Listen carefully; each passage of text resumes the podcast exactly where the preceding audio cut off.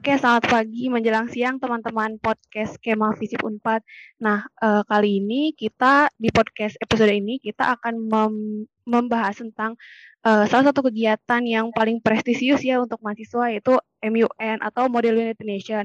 Sebelumnya perkenalkan, aku Shiva dari Keilmuan BEM Visip dan di sini aku ditemani oleh salah satu teman aku yaitu Hai Kema Visip, perkenalkan nama aku Afril Uh, dan kali ini di podcast kali ini kita punya narasumber yang sangat-sangat kece dan sangat-sangat berpengalaman di dalam model United Nation.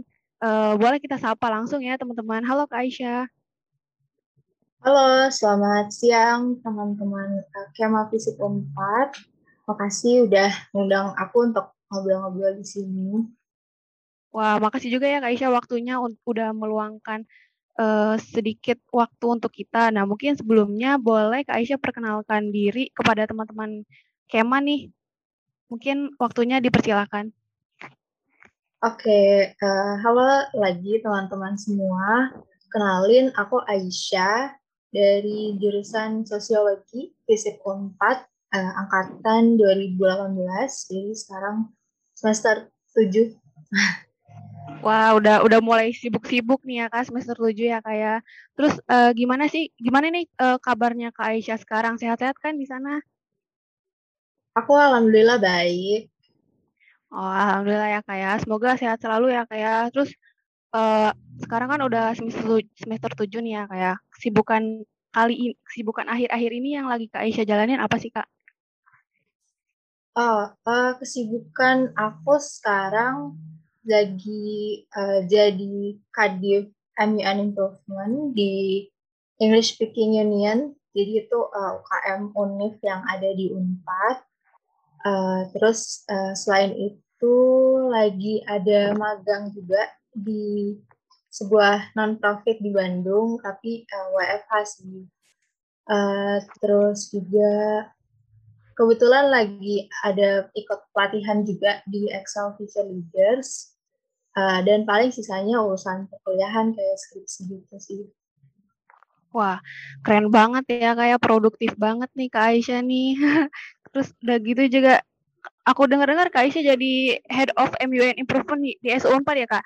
Boleh diceritain ya, mungkin SU4 untuk promosi mungkin ya kayak ke, ke teman-teman mahasiswa baru? Boleh, boleh. Ya, jadi di UNPAD itu kita punya UKM uh, unit kegiatan mahasiswa namanya English Speaking Union, yaitu uh, tempat untuk uh, kalian yang uh, punya minat untuk ikut lomba kayak debating atau MUN. Nah, kebetulan aku salah satunya jadi uh, tahun ini jadi ketua MUN-nya gitu di ESU. Wah, keren banget ya kayak ESU dan MUN itu. Nah, terus uh, mungkin kita langsung masuk ke poin utama ya kayak ya. aku izin bertanya nih Kak, bagaimana caranya kita dapat berpartisipasi sebagai peserta MUN dan bagaimana sih Kak alur MUN itu sendiri? Oke, mungkin jawab yang pertama dulu ya. Gimana caranya ikut MUN? Nah, uh, eh, MUN sendiri kalau di uh, lingkungan kampus ya itu uh, udah banyak banget kampus-kampus yang nyelenggarain. Uh, itu bisa cek kalau keyword di Instagram tuh MUN itu nanti langsung keluar gitu penyelenggara penyelenggara MUN yang ada. Contohnya di Unpad uh, ada pajajaran MUN gitu. Nah uh, kalau untuk ikut MUN sendiri nggak uh, ada batasan-batasan yang perlu di di apa ya dipikirkan gitu. Jadi kalau misalkan ada penyelenggara yang uh, lagi nyelenggarain itu kita tinggal daftar aja gitu. Apalagi sekarang kan uh, banyak MUN online ya. Jadi uh, secara harga dia juga lebih bisa lebih murah gitu. Bahkan ada yang gratis. Jadi uh, kalau untuk uh, ikutnya sendiri tuh uh, beneran tinggal daftar aja gitu. Nah, kalau Kenapa? untuk alur alur ya. MUN sendiri, jadi MUN itu kalau aku bisa jelasin paling dibagi jadi dua ya. Jadi ada sebelum hari H-nya dan ada hari H-nya. Nah, ketika kalian daftar itu uh, sebelum masuk ke hari lomba MUN itu uh, kalian uh, ada yang namanya suruh bikin position paper gitu. Nah ini uh, kalian di situ suruh nulis tentang uh, negara kalian dan uh, topik yang akan kalian bahas nanti. Oh ya mungkin sebelum ke situ uh, dijelasin dikit dulu kali ya Aminan ini gambarannya gimana? Karena takut bingung kalau sebelum sebelum uh, dijelasin dulu. Jadi MUN itu bayanginnya kayak sebuah lomba atau kegiatan akademik yang isinya itu kayak uh, simulasi sidang PBB gitu atau United Nations di mana uh, kalian nanti akan diskusi mewakilkan suatu negara dan mendiskusikan sebuah isu global gitu. Intinya kayak kalian pura-pura jadi diplomat, uh, kalau di MBM bahasanya jadi delegate ya. Ini nanti dikumpulin di suatu ruangan gitu untuk mencari solusi terhadap suatu isu. Jadi uh, hari hanya itu intinya kalian berdiskusi dan bernegosiasi gitu. Nah balik ke alur tadi, setelah kalian bikin position paper dan melakukan riset dulu, Nah, pas hari hanya itu kalian nanti uh, akan mulai uh, diskusi dan negosiasinya itu. Nah, biasanya kalau di MN itu uh, ada yang namanya chair atau board of dice. Jadi mereka yang akan uh, memoderate diskusi kalian di sana gitu. Dan uh, output dari diskusi ini itu uh, akan mungkin namanya uh, draft resolution gitu. Untuk uh, umumnya paling kayak gitu sih alurnya. Jadi ada uh, preparation sebelum ke hari hanya yaitu bikin position paper dan pas hari H kalian berdiskusi dan bernegosiasi uh, untuk uh, uh, untuk outputnya nanti uh, bentuknya sebuah draft resolution itu sih. Oke seru banget ya kayak MUN itu jadi kita jadi kayak um, belajar untuk jadi delegates uh, kayak jadi bagian dari PBB gitu ya kayak. Nah, terus uh, pertanyaan selanjutnya nih Kak, menurut Kak Aisyah sendiri nih, apakah untuk jadi peserta MUN itu susah atau enggak sih Kak kira-kira? Oke, okay, uh, eh, mungkin kalau susah atau enggak itu bisa dilihat dari beberapa perspektif ya. Kalau misalkan uh, aksesibilitasnya terhadap lomba MUN itu uh, sekarang udah semakin aksesibel gitu. Kayak aku yang bilang di awal udah banyak uh, yang uh, eh, MUN yang uh, lebih murah gitu karena dulu uh, waktu zaman zaman aku SMA MUN itu aku ngelihatnya ya secara pribadi itu kayak cukup eksklusif gitu karena dia uh, untuk sebuah lomba harganya emang cukup mahal. Jadi kayak uh, uh, bisa range harganya tuh uh, ratusan ribu gitu untuk uh, sekali lomba dan bahkan ada yang uh, hampir sejuta gitu kan. Nah kalau untuk sekarang nih karena pandemi uh, udah semakin banyak uh, anjuran yang uh, aksesibel gitu. Uh, harganya juga lebih murah dan bahkan ada gratis. Nah kalau misalkan susah dari segi substansinya, kalau kataku uh, paling salah satu hal yang perlu diingat itu anjuran uh, ada sistem yang cukup rigid gitu ya. Jadi dia punya uh, prosedurnya sendiri yang harus dipelajari sebelum masuk uh, untuk uh, ikut konferensinya gitu. Jadi di MUN ada yang namanya uh, ya rules of procedure-nya dan itu akan di, akan uh, kalian pakai selama konferensi itu berlangsung. Jadi gimana cara kalian ngomong, terus gimana kalau misal mau minta izin ke toilet atau uh, kapan kalian bisa uh, diskusi dengan uh, delegate lain kayak gitu-gitu itu semua ada uh, aturannya gitu yang kalian yang kalian harus pelajari sebelum uh, masuk ke MUN itu. Paling itu aja sih kalau misalkan informasi-informasi tentang MUN uh, juga sebenarnya sekarang udah banyak itu bisa diakses di internet. Jadi uh, tinggal gimana kalian mau nyari aja sih. Jadi kalau dibilang susah atau enggak ya tergantung uh, kalian mau belajar hal-hal uh, itu dulu atau enggak gitu sih. Oke kak, jadi uh, meskipun itu ada prosedurnya, yang penting asal kita punya kemauan untuk belajar itu pasti bisa kan kak? Betul, betul banget. Oke, lalu uh, kayaknya teman-teman fisip juga penasaran nih untuk persiapannya sendiri itu selain buat position paper, apakah ada persiapan khusus gitu nggak sih kak yang perlu dipersiapkan sebelum kita mulai jadi uh, peserta MUN atau mungkin kita perlu belajar public speaking dulu atau gimana tuh kak? Oke, okay.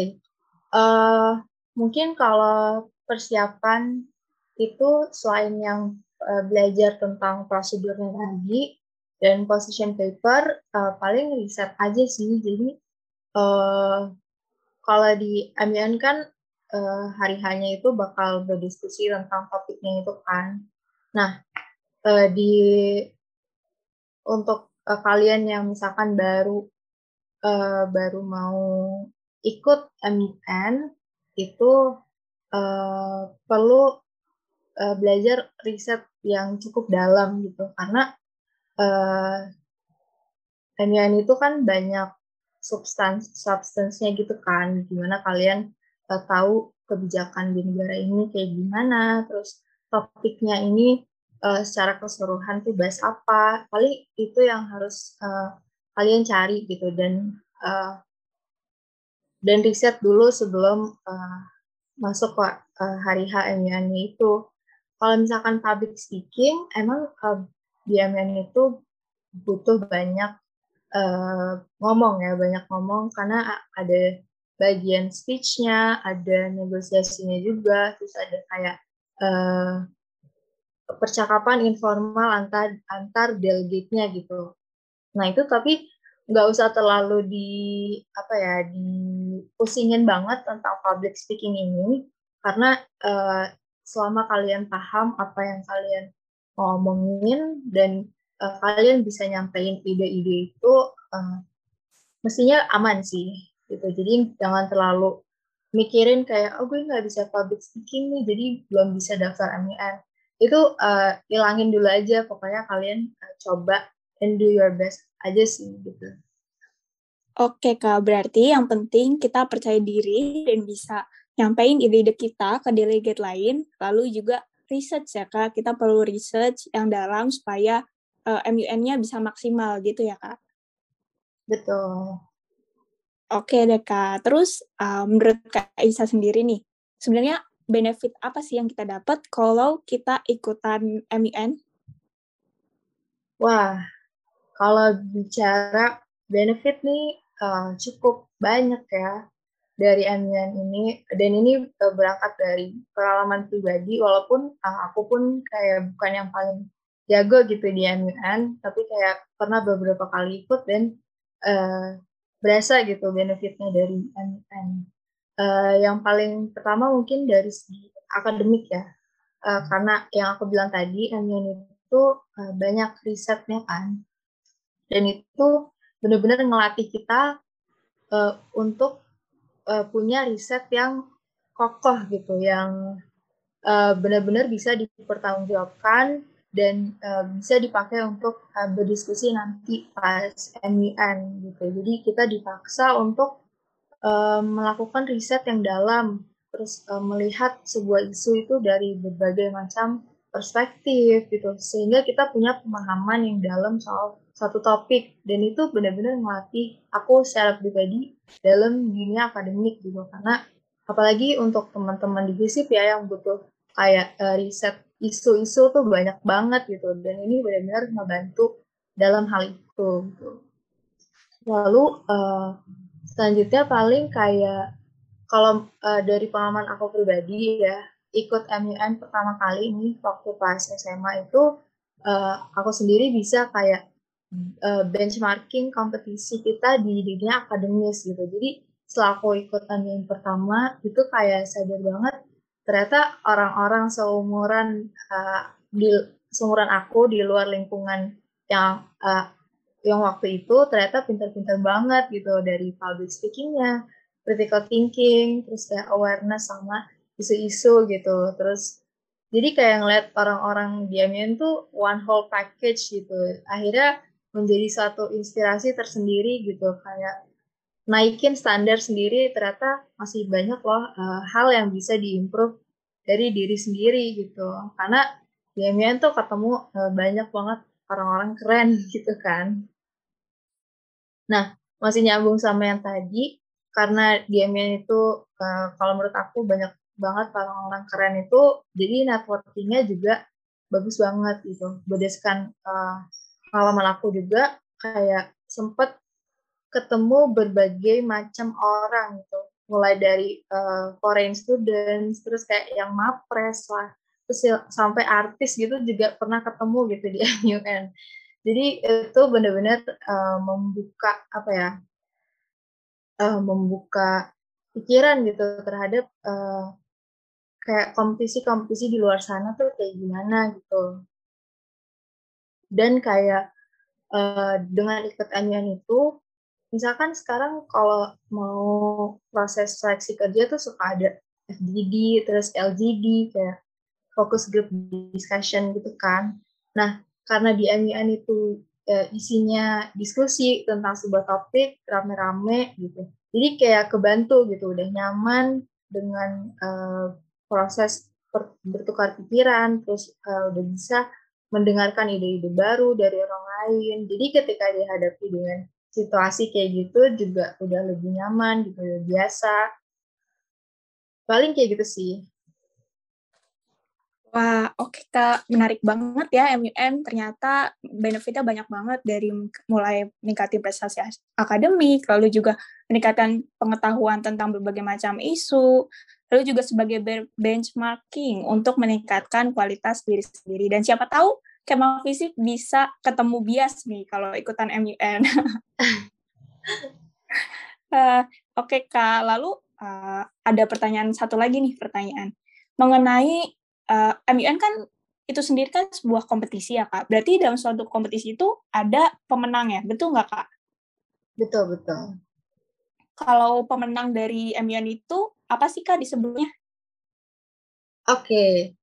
Nah ini uh, pertanyaannya bagus banget. Jadi kalau di MUN itu uh, ada berapa ya? Kayak lima award. Uh, jadi akan ada uh, lima pemenang gitu di MUN. Nah, pemenang itu dari yang paling uh, paling juara satu itu namanya best delegate. Terus uh, selain best delegate, yang juara dua itu ada most outstanding delegate. Terus uh, juara tiganya itu uh, honorable mention. Kalau aku nggak salah ya. Terus setelah itu ada uh, verbal accommodation. Nah untuk uh, verbal accommodation ini dia nggak dapat sertifikat kayak yang tiga pertama aku sebutin. Nah yang terakhir itu ada best position paper. Nah bedanya apa? kalau tadi best delegate, most outstanding dan honorable mention ini uh, dilihat dari performance kalian selama MUN. Jadi uh, overall performance kalian kalau best position paper ini itu uh, berdasarkan uh, position paper yang kalian buat sebelum konferensi itu gitu. Itu. Oke okay, kak. Berarti awardnya juga lumayan banyak. Jadi kayak kesempatannya besar juga nih ya kak. betul betul. Oke deh kak. Uh, satu pertanyaan lagi mungkin bisa dijawab dengan singkat aja kak. Tips and trick nih supaya Kema Visi bisa jadi best delegate nih kak. Apa ya? Wah, mungkin kalau uh, cara jadi best delegate ini di luar kapasitas aku ya, karena aku sendiri kan ya belum pernah gitu menang award. Tapi mungkin uh, jawabnya lebih ke uh, gimana kita bisa datang ke alian ini dan dapat pengalaman yang maksimal gitu. Uh, kalau ini aku bakal jawab yang pertama itu uh, kayak yang udah dibahas sebelumnya itu riset ya. Uh, cari banyak perspektif dalam melihat topiknya, cari juga uh, latar belakang uh, sejarahnya, terus uh, ya kebijakan-kebijakan terkait kayak gitu. Uh, terus yang kedua itu bisa baca situasi. Kenapa bisa baca situasi? Karena di MUN, di hari haknya itu, nggak semuanya bisa disiapin dari rumah gitu. Karena nanti kalian akan ketemu banyak ide-ide dari delegate lain. Uh, akan ada orang yang nggak setuju sama uh, apa yang kalian sampaikan. Nah itu uh, harus bisa baca gitu arah diskusinya kayak gimana. Apakah uh, ada poin penting yang belum dibahas, apakah diskusinya sesuai jalur gitu. Nah, kalau udah bisa baca itu mungkin akan lebih mudah untuk uh, kontributif dalam diskusinya nanti gitu.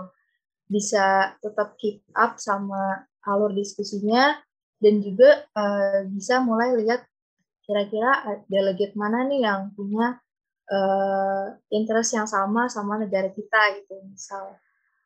Nah, itu uh, butuh kemampuan untuk baca situasi tadi gitu.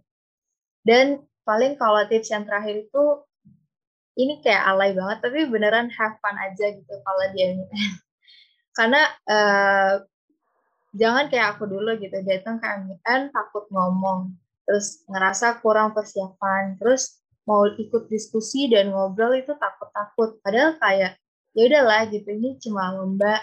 Kalau ternyata malu-maluin ya udah gitu kan. Ini juga uh, tempat kita di mana kita akhirnya bisa belajar gitu kan. Karena kalau malu-malu nanti nggak akan maksimal dapet experience-nya gitu jadi tinggal gimana kalian uh, mau belajar dari uh, ketidaktahuan yang kalian temui nanti gitu gitu sih paling Oke Kak, jadi yang penting jangan takut untuk mencoba Betul. aja ya. Lalu, uh, kayaknya teman-teman Visip udah dapat cukup informasi nih mengenai MN. Tadi udah digambarin juga mengenai prosesnya, cara daftarnya, dan lain sebagainya. Kayaknya untuk podcast episode kali ini kita cukupkan aja sampai di sini. Jangan lupa Visip, sebentar lagi BEM Visip 4 akan buka PSP Club dan juga di situ ada MUN class. Kita akan buka MUN class, nanti Kemavisip akan kita latih untuk belajar MUN, simulasi MUN oleh para ahlinya. Asik dah tuh. Jadi kalian kalau misalnya belum pernah lakuin MUN, jangan takut, jangan malu-malu, nanti kita ajarin. Kayak gitu. Sepertinya... Oh ya, boleh sedikit, ini enggak, iya, sedikit ya, uh, info untuk uh, Kemavisip nih. Boleh-boleh Kak, silakan Jadi, Kak. Uh, di ESU di English Speaking Union Unpad uh, tahun ini kita ngadain juga nih kesempatan untuk uh, kalian yang mau uh, mulai ikut MUN gitu. Jadi kita ngadain namanya Short Diplomatic Course. Jadi dia kayak versi mininya MUN gitu dan kita juga ngadain uh, class gitu yang khusus untuk uh, lingkungan di Unpad gitu. Jadi untuk teman-teman uh, yang um, mau mulai nyobain first experience kalian MUN bisa cek aja di uh, Instagram at Club. gitu. Ya. Oke, makasih Kak tuh. Kemang Visip udah banyak banget ya Kak sarana belajar bisa dari ESU, bisa juga dari BEM Visip. Pokoknya jangan lupa untuk ikut. Apalagi lumayan juga untuk pres, uh, peringkatan prestasi akademik kalian. Sepertinya seper, segitu aja untuk episode uh, podcast keilmuan kali ini. Terima kasih semuanya. Nah, makasih juga nih buat Kak Aisyah udah luangin waktunya untuk kita untuk sharing-sharing tentang gimana sih caranya berperan aktif dalam kegiatan MUN dan juga telah memberikan gambaran mengenai MUN kepada mahasiswa-mahasiswa uh, Kema Visip. Nah, kemudian uh, banyak juga ya Kak new insight tentang MUN yang sekiranya bisa diikuti oleh sobat-sobat putaran Uh, oke deh, mungkin seperti itu ya episode kali ini buat sobat-sobat putaran. Tetap dengerin ya putaran di episode-episode selanjutnya. Terus uh, juga jangan lupa untuk dicerna juga ini uh, info-infonya dan terima kasih. Thank you and see you in the next podcast.